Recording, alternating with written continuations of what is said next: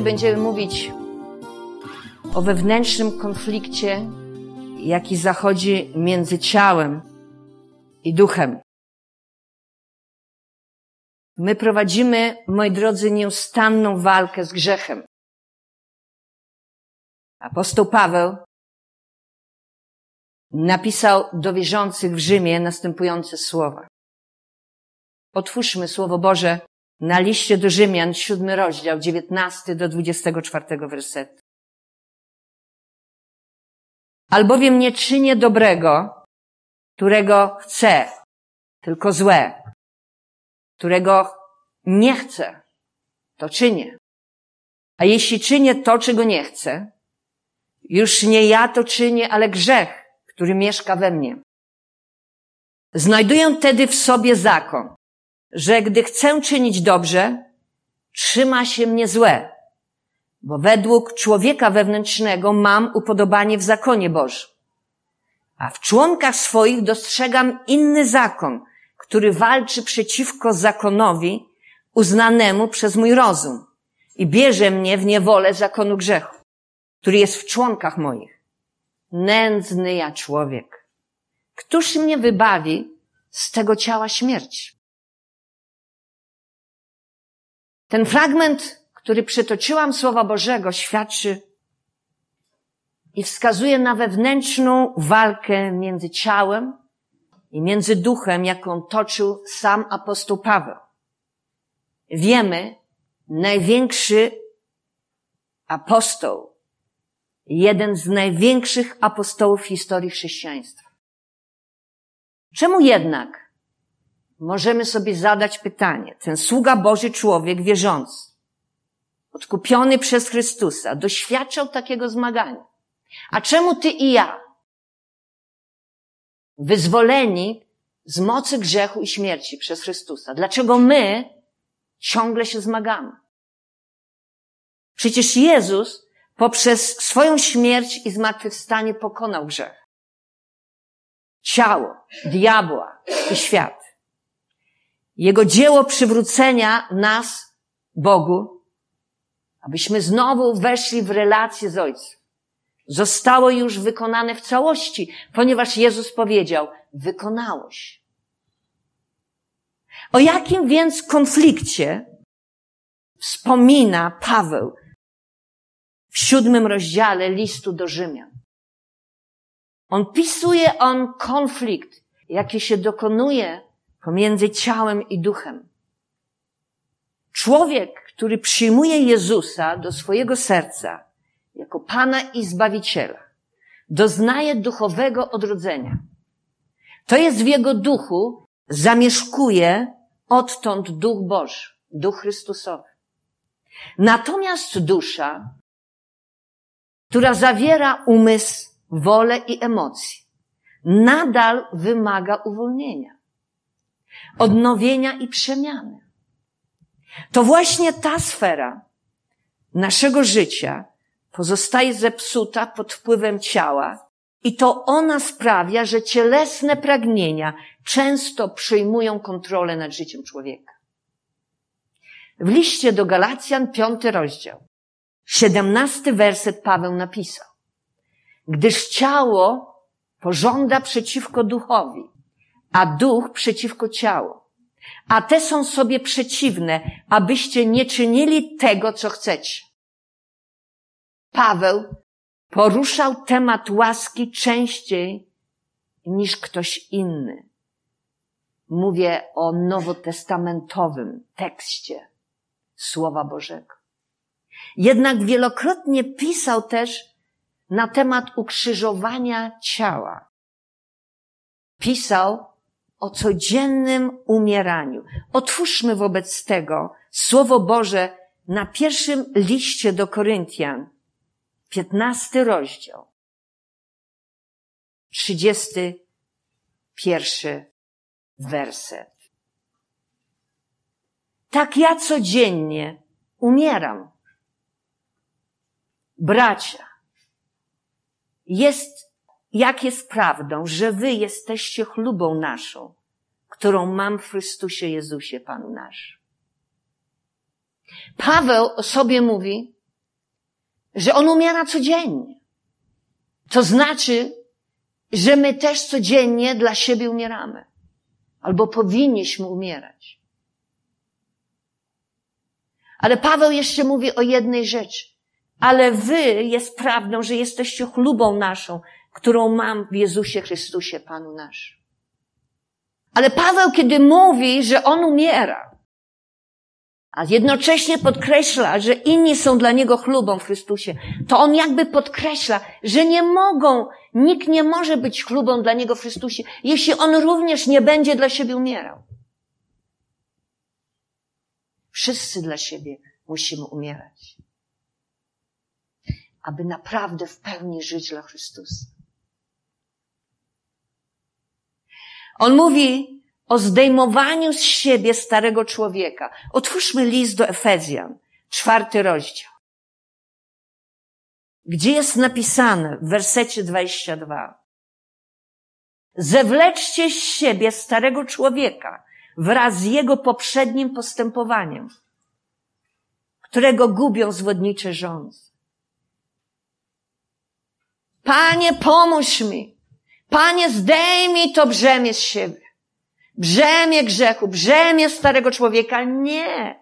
Tak Słowo Boże nie mówi. Zdejmijcie sami z siebie. To jest akt dobrej woli, że się tym brzydzisz, że nie chcesz mieć z tym nic wspólnego, a więc to zdejmujesz. Jak ubranie, które jest brudne, śmierdzące i nie nadaje się już do użytku. Również w liście do Kolosa. On mówi w trzecim rozdziale. W ten sposób. Przytoczymy dziewiąty werset. Jest napisane. Nie okłamujcie się nawzajem. Skoro zewlekliście z siebie starego człowieka wraz z jego uczynkami. Bo ojcem kłamstwa jest diabeł. Nie możesz ślubować coś człowiekowi, nie możesz coś ślubować pastorowi, starszemu, bratu, siostrze i nie dotrzymywać obietnic. Jeśli zewlekłeś siebie starego człowieka. Ale jeśli tego jeszcze nie zrobiłeś, powinieneś postarać się to zrobić. Nie możesz okłamywać również siebie samego. Nie możesz przede wszystkim okłamywać Boga. Ponieważ Bóg ma upodobanie, że rzeczy dzieją się w prześnikach szczerości i prawdy. Ale żeby tak naprawdę być szczerym i mówić prawdę, my sami potrzebujemy zrobić rachunek sumienia sobą samym, stanąć sami sobą przed Bogiem. Na ile my sobą sami jesteśmy szczerzy oraz wyrzekaniu się, Paweł mówi, cielesnych pragnień. Mogą być pragnienia Boże i Bóg wkłada Boże pragnienia do naszego serca. Ale mogą być pragnienia ludzkie. I to jest różnica. Mogą być pragnienia wynikające z nieuśmierzonej naszej cielesności, co nazywa się rządzą. Otwórzmy list do Tytusa, drugi rozdział i przeczytajmy dwunasty wers. Nauczając nam, abyśmy wyrzekli się bezbożności i światowych porządliwości i na tym doczesnym świecie wstrzemięźliwie, sprawiedliwie i pobożnie żyli. Człowiek sam ma wyrzec się tego, co nie jest Boże. Zauważyliśmy, że człowiek Boży, narodzony z Ducha Bożego, współdziała z Bogiem ku dobremu. Moi drodzy, ale o tych sprawach, które dzisiaj przedstawiam,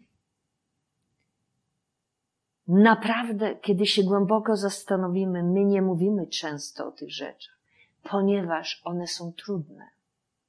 One stawiają nam wezwanie do przemiany.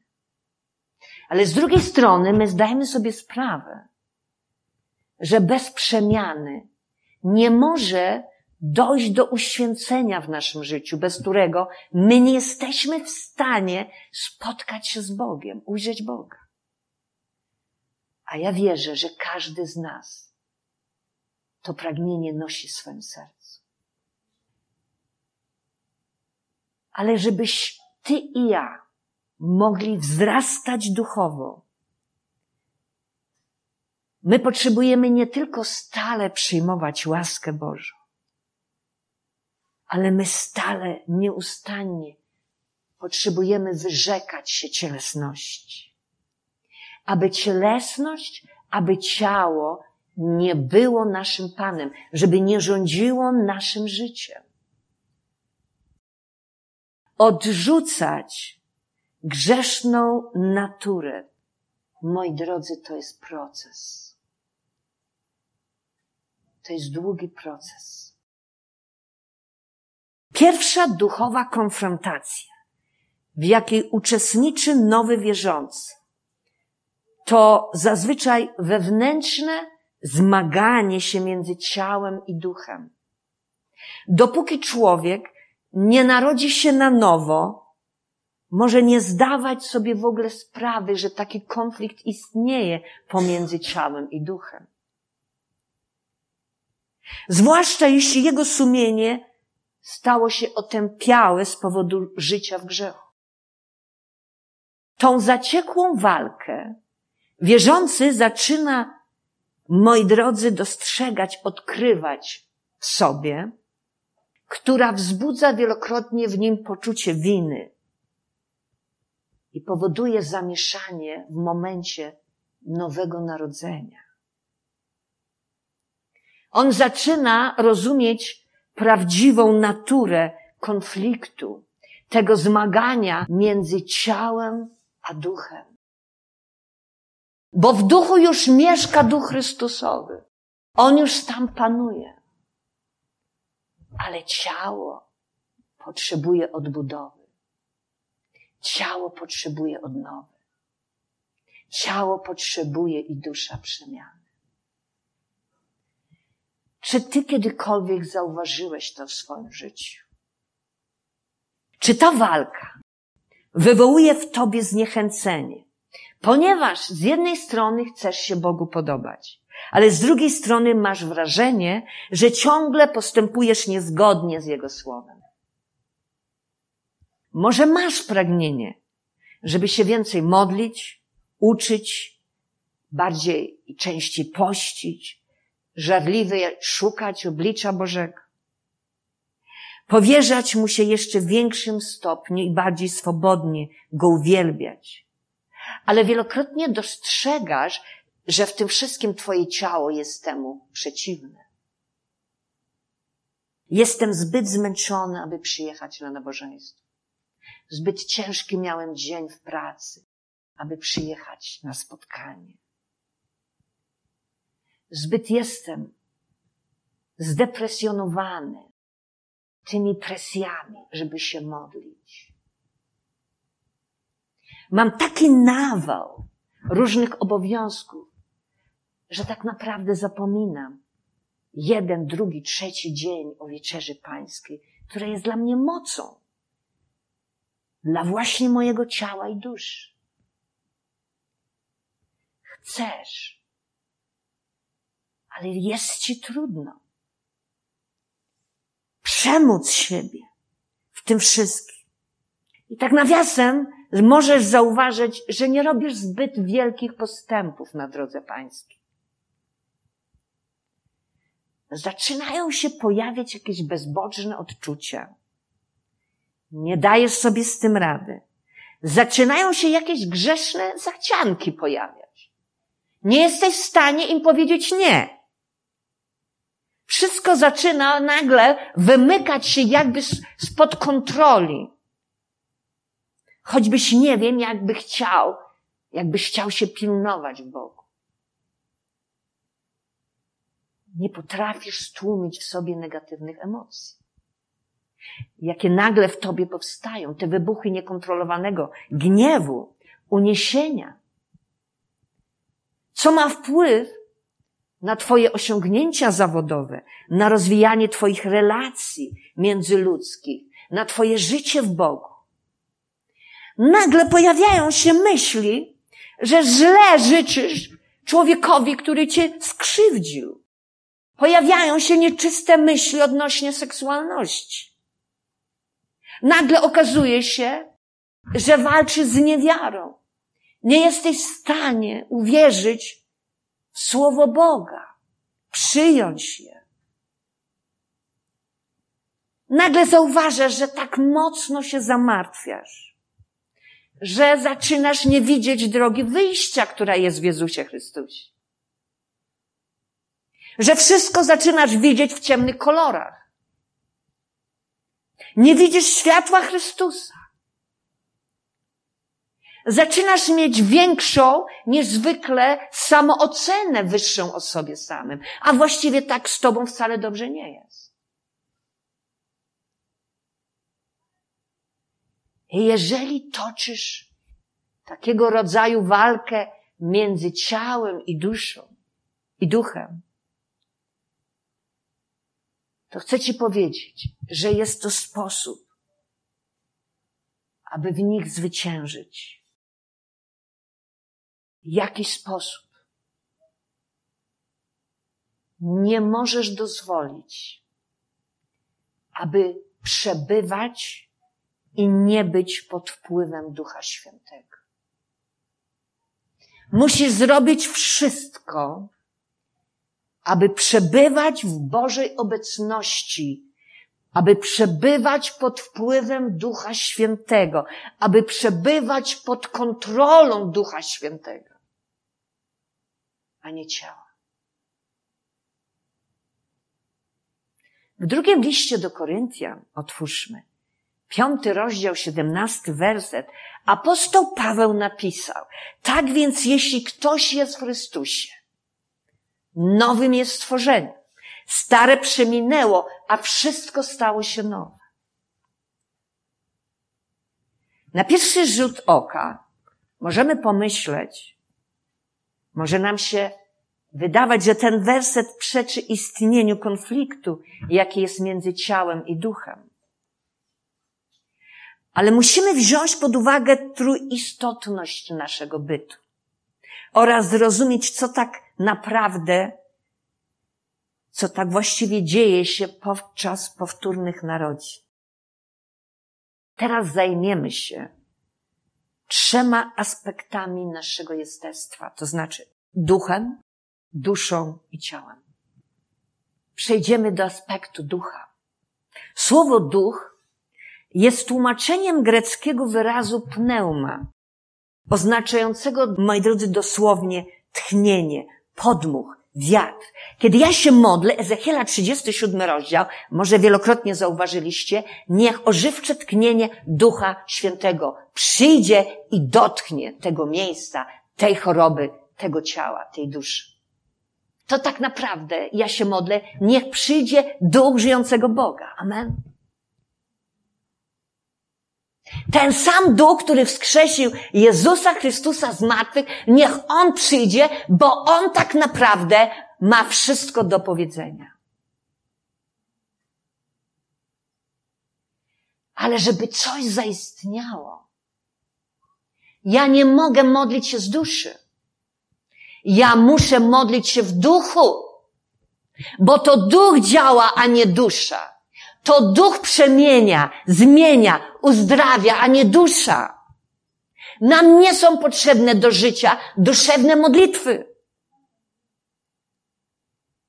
Kiedy myśmy mówili na temat modlitwy, to ja zawsze prosiłam siostrę Danutę, aby ona modli- głosiła na temat modlitwy z duszy.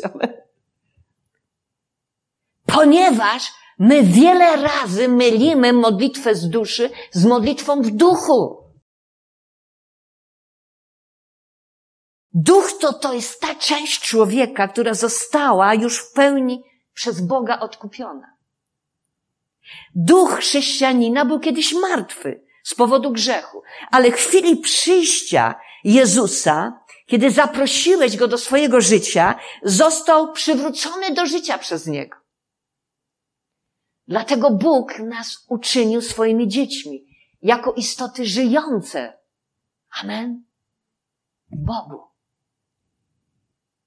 Ta centralna część naszego ja, ego, nasza prawdziwa tożsamość, nasz wewnętrzny człowiek, moi drodzy, zostaje dotknięty. I właśnie tutaj zamieszkuje Duch Boży. Tutaj jest Jego obecność. To w naszym duchu mamy relację i kontakt z naszym niebiańskim Ojcem. Ja nie mogę mieć kontaktu z Ojcem przez duszę. Jeśli ja chcę wzbudzić w Twoim życiu kontakt lepszy, głębszą więź z Ojcem Niebiańskim, ja nie mogę działać na sferę duszy. Ja muszę działać na sferę ducha. Sfera duszy ma to do siebie, że przyciąga człowieka do człowieka, ale sfera ducha to zawsze przyciąga człowieka do Boga. Czy możesz powiedzieć amen?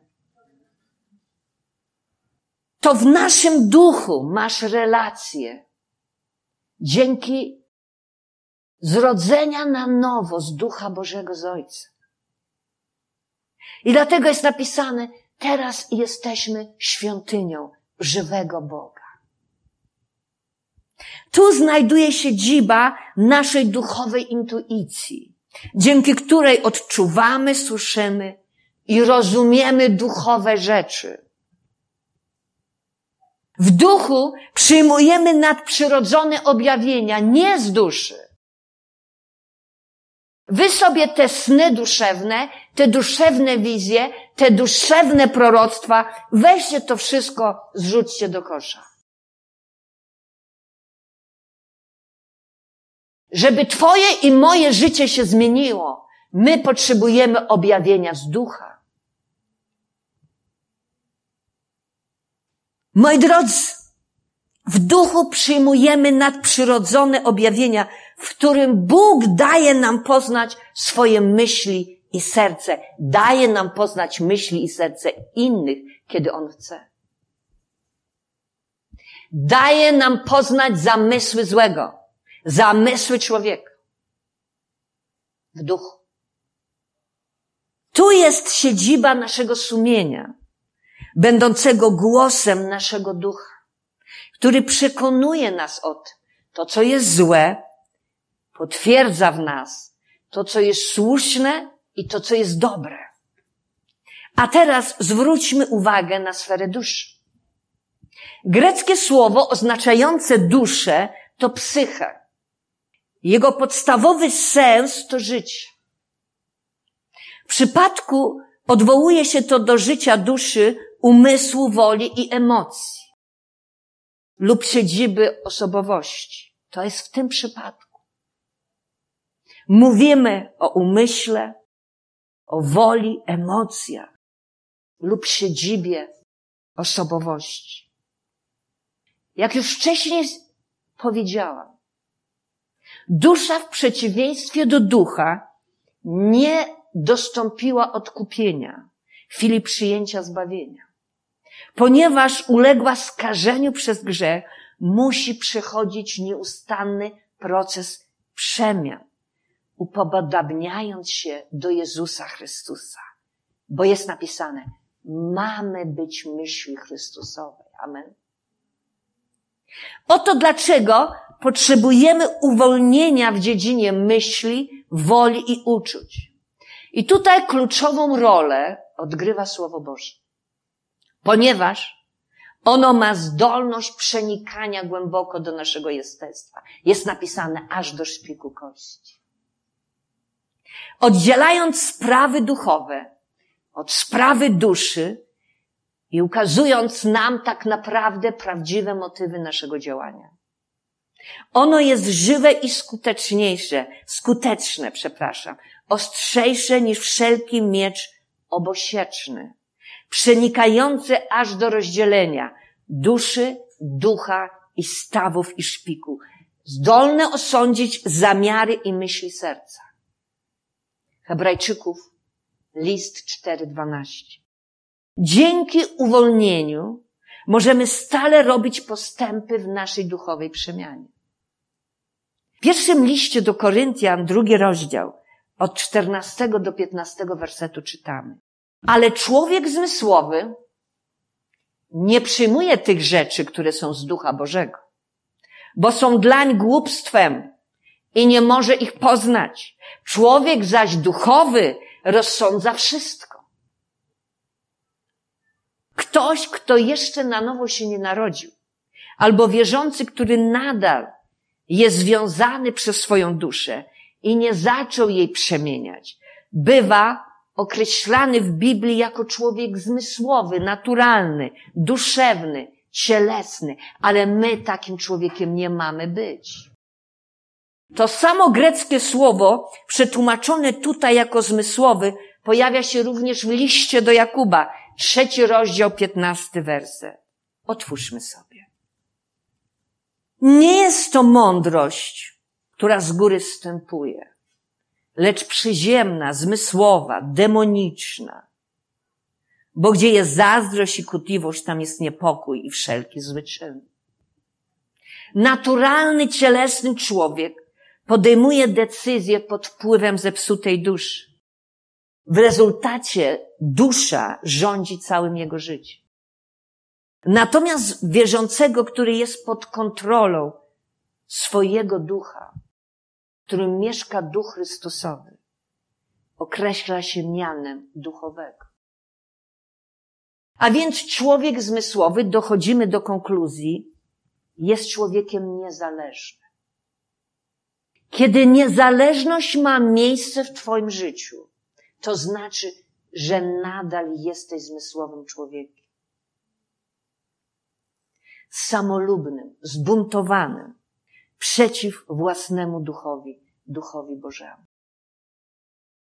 I teraz synowie Abrahama, Ismael i Izaak symbolizują w Biblii kontrast między ciałem i duchem. Anioł Pański powiedział matce Ismaela, że jej syn będzie jak dziki osioł, zwierzę cechujące się uporem. Kiedy w Twoim życiu jest upór, upór to jest jak bałwochwalstwo. Świadczy o Twojej zmysłowości jeszcze. Jesteś niestety jeszcze zmysłowym człowiekiem. Człowiek cielesny jest samowolny, dumny, samolubny, egocentryczny, niezależny, robi co chce, chodzi swoimi drogami. Zarówno od Boga, jak i Jego ludu niezależny, buntowniczy. I takie określenia opisują duszę, która nie została przemieniona, uwolniona z, z więzów, nie została uleczona jeszcze z ran. Bóg powiedział natomiast Abrahamowi, że ustanowi wieczne przymierze z Izaakiem, synem obietnicy. To właśnie Jego przymierze z nami poprzez Jezusa Chrystusa daje nam dostęp do wolności życia w duchu. Dlatego jest napisane, że stójcie niewzruszenie. Jest napisane, trzymajcie mocno to, co otrzymaliście, żeby nikt wam tego nie wyrwał. Co? Życia wolności w duchu Bożym. Trzy wyrażenia opisane powyżej są charakterystyczne dla duszy zarówno cielesnej, jak i przemienionej. Czytam. Uważam, że to jest sfera umysłu. Chcę to jest sfera woli. Oraz czuję, że to jest sfera emocji. Takie są główne motywacje duszy.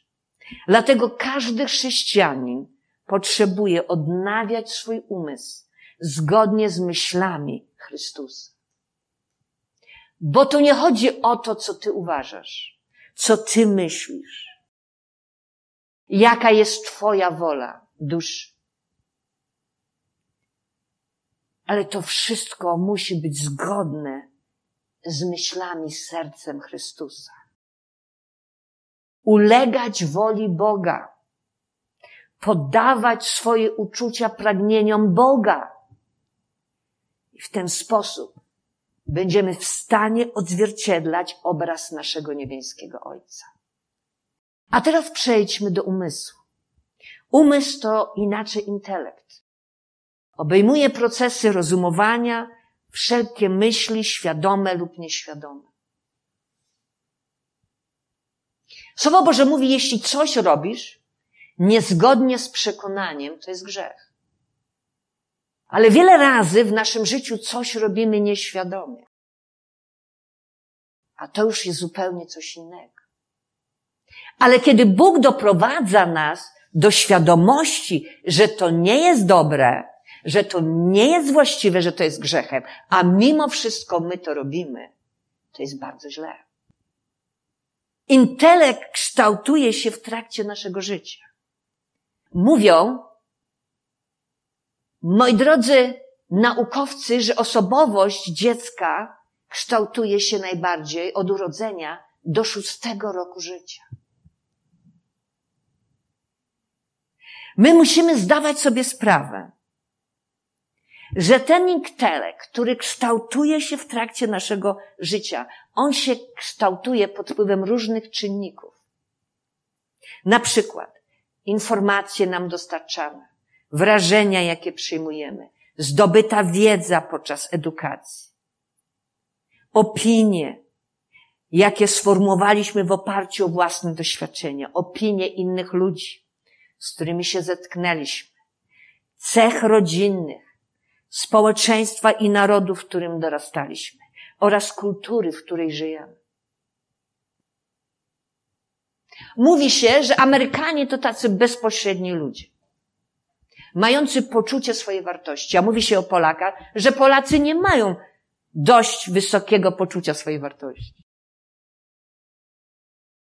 Człowiek o naturalnym lub inaczej duszewnym usposobieniu nie rozróżnia i nie pojmuje tego, co jest nadprzyrodzone lub duchowe. Jeśli człowiek jest wyedukowany, kiedy bardzo logicznie myśli, trudno mu przyjąć prawdę Ewangelii. Trudno w ogóle mu przyjmować nadprzyrodzone rzeczy. Jego postrzeganie bowiem ogranicza to się do świata naturalnego, czyli do tego, co da się zidentyfikować przy pomocy jednego lub, lub kilku zmysłów. Wzroku, słuchu, dotyku, smaku, powonienia. On musi to zobaczyć, on musi to dotknąć, on musi to poczuć, moi drodzy. A pojmowanie do spraw, które potrafi sobie wytłumaczyć intelektualnie. chociaż może mieć świetne wykształcenie, nie jest w stanie zrozumieć ponadnaturalnych zjawisk, ponieważ funkcjonuje wedle ograniczonej wiedzy, jaką dysponuje ludzkość.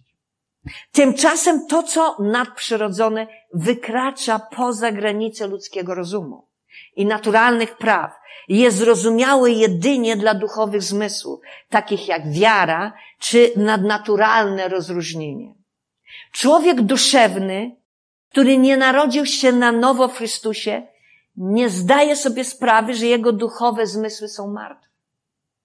Podobnie duszewny chrześcijanin, który jeszcze nie nauczył się umierać dla swojej zepsutej duszy, nie wie, że jego moce poznawcze są uśpione. Jemu się może wydawać, że to jest Bóg, ale w tym nie ma Boga. Dla kogoś takiego sfera nadprzyrodzona to jest obcy świat, nieznany. To jest środowisko nie do zaakceptowania rozumu. Kiedy natrafia na coś, czego nie da się wyjaśnić, natrafia na coś, czego nie da się zdefiniować, kategoriach oczywiście mówię świata naturalnego, uznaje to, że to jest nielogiczne, to jest głupie. I ciebie też może nazwać głupcem. Kiedy o takich rzeczach mówisz. Dlatego Słowo Boże mówi, nie rzuca się pereł pod wieprz. Stwierdza, że dana sytuacja czy wydarzenie jest nieprawdziwe i nie warte jego uwagi. Całkowicie dlatego je odrzuca. W ten sposób nieodkopiony umysł przejmuje fałszywe koncepcje i tworzy błędne wzorce myślenia, które niestety prowadzą do mentalnych warowni. utwierdzających go w błędnych przekonaniach, warowni kłamstwa. A więc nawet gdy człowiek narodzi się na nowo w Chrystusie, jego wzorce myślenia mogą ustawicznie być nakierowane na koncepcje, idee sprzeczne. Zwróć uwagę z wolą Boga, jeśli dusza nie jest odnowiona. A przez to to będzie toczyć i umysł. W swoim umyśle ustawiczną walkę między prawdą i fałszem. Dla umysłu zepsutego przez grzeszną naturę jest tylko jedno wyjście, odnowienie przez Słowo Boże. Musimy przełamać stare wzorce myślenia, błędne paradygmaty, negatywne przyzwyczajenia umysłu, zastępując je myślami Boga, aż zostanie w nas w pełni ukształtowany umysł Chrystusa. Kiedy Słowo Boże określa miłość,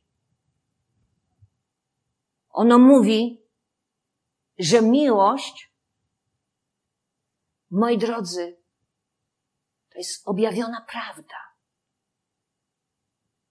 którą my przyjmujemy, że Bóg nas tak kocha, że dał swoje życie za nas. Amen. Miłość oznacza mówienie komuś prawdy w szczerości. Miłość oznacza sprowadzenie człowieka z błędnej drogi na właściwą drogę. Miłość oznacza, że ty masz baczenie na drugiego człowieka. Że ty mu w łagodności Ducha Bożego zwracasz uwagę. Posłuchaj, czerwone światło się zapaliło na tobą. A my wielokrotnie kojarzymy miłość z romantycznym uczuciem, z humanizmem. Ale to jest aspekt duszy. Bóg nie zabiera nam uczuć. Ale kiedy mówimy o człowieku duchowym, on inaczej pojmuje miłość. Człowiek zmysłowy nie wierzy w coś, czego nie potrafi wyjaśnić intelektualnie. Nie uwierzy w Boży cud, jeśli nie potrafi tego intelektualnie wytłumaczyć. Nie uwierzy ci, że zostałeś wzięty do nieba, bo nie potrafi tego intelektualnie wytłumaczyć. Otwórzmy teraz list do Galacjan. Czwarty rozdział. Dziewiętnasty werset. Dzieci moje, znowu w boleści was rodzę, dopóki Chrystus nie będzie w was ukształtowany. A więc to jest kształtowanie poprzez Słowo Boże, naszego umysłu przez Słowo Boże. A w Rzymian liście 12.2 czytamy w ten sposób. A nie upadabniajcie się do tego świata, ale przemieńcie się przez odnowienie umysłu swego, abyście umieli rozróżnić. Nie pytali kogoś innego, ale wy sami umieli rozróżnić, co jest wolą Bożą, co jest miłe, dobre i doskonałe. Nie biegali do proroka, nie biegali do pastora, ale sami poprzez odnowiony umysł potrafili rozróżnić wolę Boga. Czy możesz powiedzieć amen? A teraz przystąpimy do woli. Wola to jest zdolność dokonywania wyborów prowadzących do działania. Jest ona siedzibą naszej indywidualnej siły. Nasze postanowienia budują bowiem charakter. Człowiek duszewny cechuje się wolą, która jest splamiona grzech, a nie zjednoczona z niebiańskim Ojcem i Jego Słowem. Nawet jeśli ktoś ma dobre intencje i chce wypełniać wolę Bożą, nie będzie mieć siły, by postępować słusznie w oparciu o samo postanowienie woli. Wcześniej czy później jego chęci osłabną. W dalszej części będziemy mówić, jak poddać swoją wolę Bogu. Pamiętajcie, kiedy Pan Jezus umierał, przed Jego śmiercią, kiedy był w Getsemany, jak On się modlił? Panie, nie moja wola, a niech Twoja wola się stanie. Pamiętamy, że to było głębokie zmaganie, takie zmaganie, że pot spływał z niego z krwią. Aby do końca wypełnić wolę Ojca, nie swoją. A przez to ty i ja mogli dostąpić zbawienia. Wypełniając wolę Boga, doprowadzamy do tego, aby nasze życie by stawało się odzwierciedleniem i ucieleśnieniem Bożych zamiarów, a nie naszych.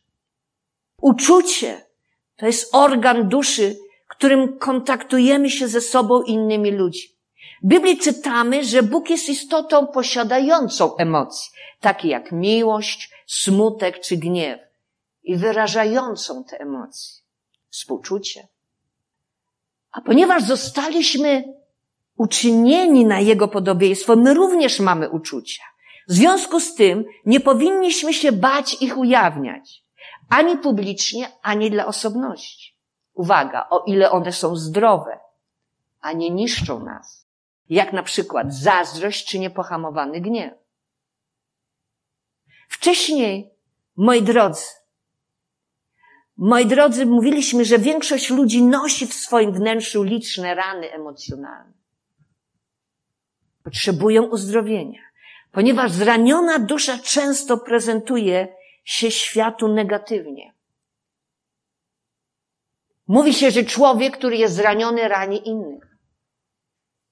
Powoduje powstawanie nowych ran u siebie u innych.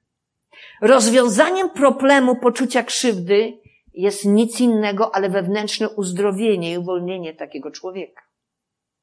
Nasze emocje potrzebują być wolne od zranień i demonicznego dręczenia, tak zwanej udręki.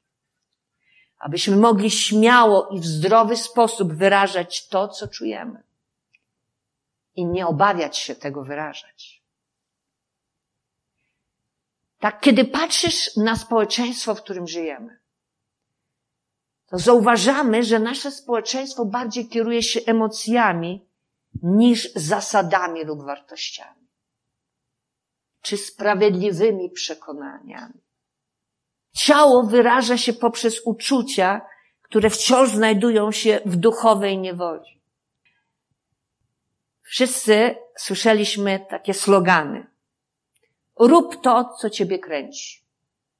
Kupuj lub zdobywaj to, co ciebie uszczęśliwia. Nie odmawiaj swoim pragnieniom. Zasługujesz na ich spełnienie.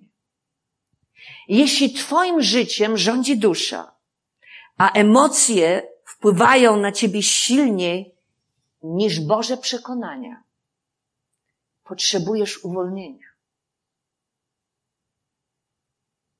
Potrzebujesz dojść do miejsca, w którym zjednoczysz się z Bogiem przeciwko własnemu grzesznemu ego.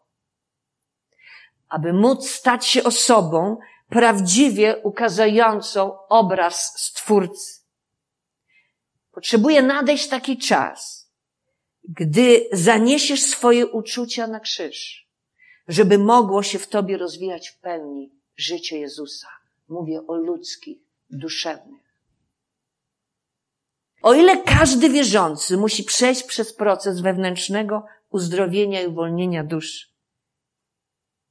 Ponieważ skąd bierze się mnóstwo naszych problemów w życiu? Zastanawiałeś się nad tym. Takie uwolnienie najpilniej powinny otrzymać osoby, które przeszły lub przechodzą przez na przykład przeżycia aborcję, albo miałeś zamiar jej dokonania, porzucenie przez rodziców, przez męża, żonę, osierocenie, ciężkie dziedzictwo, życie w rodzinie adopcyjnej, bycie ofiarą nadużyć w dzieciństwie, młodości, w wieku dorosłym, chroniczna lub dziedziczna choroba, nałogi, Całe życie w strachu, poczucie odrzucenia, beznadziei, depresja, samotność, myśli samobójcze, stałe nękanie przez poczucie winy i potępienia, duch buntu, trudność w przebaczeniu, stałe uczucia nienawiści, zgorzknienia, ciągły gniew, silna zazdrość, obsesyjne pragnienie krzywdzenia innych, planowanie lub popełnienie napadów, morderstwa, krzywdy ludziom. Ponadto wolności dla duszy potrzebują osoby, które często odkrywają w sobie myśl lub pragnienia, na przykład o naturze homoseksualnej lub biseksualnej. Ludzie angażujący się w niemoralne zachowania seksualne, osoby, które oddawały się perwersjom seksualnym, w tym pornografii, ludzie, którzy zajmowali się czarami, innymi formami okultyzmu. One, kiedy masz ciężki czas z Bogiem, będą wpływać na Twoje sny, na Twoje myślenie, które miały do czynienia lub praktykowały różne religie wschodu, jodę, jogę, medytację transcendentalną, moi drodzy, buddyzm, choroby cierpiące, osoby cierpiące na schizofrenię, alkoholicy, narkomani, ludzie, którzy byli uzależnieni od seksu, ludzie, którzy byli uzależnieni albo są od zakupów, ludzie, którzy nagminnie kłamią, nie chcą kłamać, ale kłamią, Raz kłamią, bo się boją powiedzieć prawdy, a drugi raz kłamią, bo po prostu kłamią. Ludzie, którzy mają tendencję ciągle plotkować, osądzać, krytykować. Weterani też z powodu bolesnych wspomnień potrzebują uwolnienia, uzdrowienia. Wola musi być poddana, umysł odnowiony, a uczucia potrzebują być uleczone. Ojcze, my Ci dziękujemy w imieniu Jezusa że Ty tego dokonujesz. I teraz na koniec przejdziemy do trzeciej rzeczy. Do trzeciej części ludzkiej istoty. Co nazywamy fizycznym ciałem. Bóg umieścił nas w świecie, który działa wedle naturalnych właściwości norm. Istotą naszej tożsamości jest duch, ale bez ciała nikt z nas nie byłby w stanie funkcjonować na ziemi. Bóg stworzył nam ciało, aby za Jego pośrednictwem mogły się przejawiać duch i dusza, rządząc stworzeniami, nad którymi otrzymaliśmy władzę. Fakt, że żyjemy w rzeczywistości fizycznej, nie przeszkadza realiom nadprzyrodzonym objawiać się w sferze materialnej. Kiedy Jezus przyszedł na ziemię, urodził się, czytamy, w fizycznym ciele. Funkcjonował w tym świecie zgodnie ze swoimi naturalnymi ograniczeniami. Żył podobnie jak wszyscy inni ludzie, tylko że nie grzeszył. Był bez grzechu. Jednakże stale objawiał na ziemi rzeczywistość naturalną i nauczał, abyśmy i my chodzili w mocy ducha. Ciało, które Bóg dał Adamowi, czytamy, że lśniło chwałą, nie ulegało zniszczeniu, ono było wieczne. Jednakże grzech zepsuł jego naturę, poddając je chorobom, osłabieniu i zniszczeniu. Ciało, dziś twoje i moje ciało, podobnie jak dusza, wymagają odkupienia. Ciało podąża za pragnieniami tych wyższych aspektów naszej tożsamości, które naprawdę rządzą naszym życiem. Czyli albo słucha skażonej duszy, albo odnowionego ducha. Jeśli jesteśmy podporządkowani zepsutej duszy, to ciało zanurza się w swoich porządliwościach. A jeżeli panuje nad nami odrodzony duch, ciało ulega oczyszczeniu, wzmacnia się, aby stać się naczyniem do zaszczytnych celów. Naczyniem, aby uwielbić swojego Stwórcę i uosabiać życie Chrystusa. Żeby jednak ciało się oczyszczało, umacniało i odnawiano, Musimy je składać jako ofiarę żywą dla Boga. To, co już przytoczyliśmy, Rzymian 12:2. 1. Wzywam was tedy, bracia, przez miłosierdzie Boże, abyście skłaniali ciała, składali ciała swoje jako ofiarę żywą, świętą, miłą Bogu, bo taka winna być duchowa służba wasza. To znaczy, poddawali swoje ciała duchowi. Utrzymywali je w posłuszeństwie duchowi nie dusz. Pełne odkupienie naszego ducha, duszy i ciała nastąpi, kiedy Jezus powróci na ziemię po swój Kościół. Powinniśmy Go uwielbiać, Boga, modlić się i pościć. To nam pomaga składać nasze ciało jako ofiarę żywą Bogu. A teraz otwórzmy pierwszy list do Koryntia. 15 rozdział. 51, 53. Odkupienie naszego ducha, duszy i ciała nastąpi, gdy Jezus powróci na ziemię po swój Kościół. Czyta. Oto tajemnicę wam objawiam. Nie wszyscy zaśniemy, ale wszyscy będziemy przemienieni. W jednej chwili w okamgnieniu na odgłos trąby ostatecznej, bo trąba zabrzmi i umarli wzbudzeni zostaną jako nieskażeni, a my zostaniemy przemienieni. Albowiem to, co skażone, musi przyobleć się w to, co nieskażone, a to, co śmiertelne, musi się przyoblec w nieśmiertelność.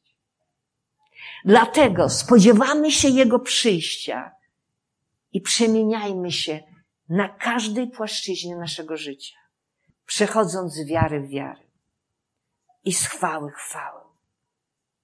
Jak to w drugim liście do Koryntian czytamy w trzecim rozdziale, osiemnasty werset. My tedy wszyscy z odsłoniętym obliczem, oglądając jak zwierciadle chwałę Pana, zostajemy przemienieni w ten sam obraz. Z chwały chwałę, jak to sprawia Pan, który jest duchem. I jak to czytamy w pierwszym liście, w pierwszym liście do Rzymian, w pierwszym rozdziale, w siedemnastym wersecie. Bo usprawiedliwienie Boże w niej bywa objawione z wiary w wiarę, jak napisano sprawiedliwy z wiary żyć będzie. A więc ciało zostało stworzone, by być świątynią Ducha Świętego. Amen. Powiedz, jestem świątynią Ducha Świętego. Należę do samego Pana. Nie żyję już ja, ale żyje we mnie Chrystus. Moi drodzy, będziemy temat kontynuować dalej. Ojcze, ja Ci dziękuję w imieniu Jezusa, że Ty dajesz nam właściwe zrozumienie, że my prowadzimy walkę, toczymy bój niecielesny, ale jest to bój duchowy